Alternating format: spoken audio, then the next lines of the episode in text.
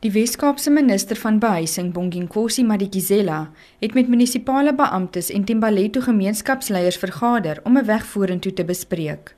Hy sê hulle het besef dat daar nog ondersoek ingestel moet word voordat 'n behoorlike plan om basiese dienste aan die informele nedersettings te voorsien ter tafel gelê kan word. Thursday next week is not realistic and I think we all agree because what people are raising is the fact that the number of informal settlements that are there needs to be verified.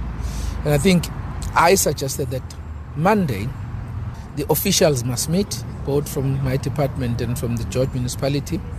They must agree on the date to go and recount the informal settlements.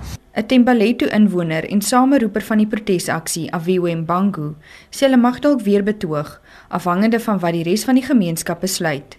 Hy sê hulle is ook teleurgestel dat die 21 mense wat vir openbare geweld in hegtenis geneem is, tot volgende week nog agter tralies moet bly.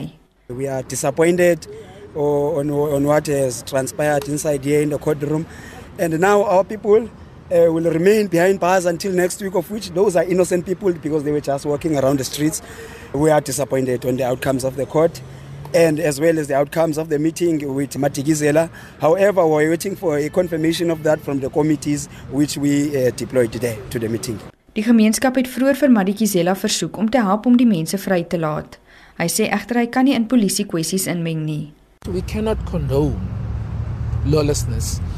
We cannot allow a situation where people destroy existing services because they are complaining about services that are not being provided.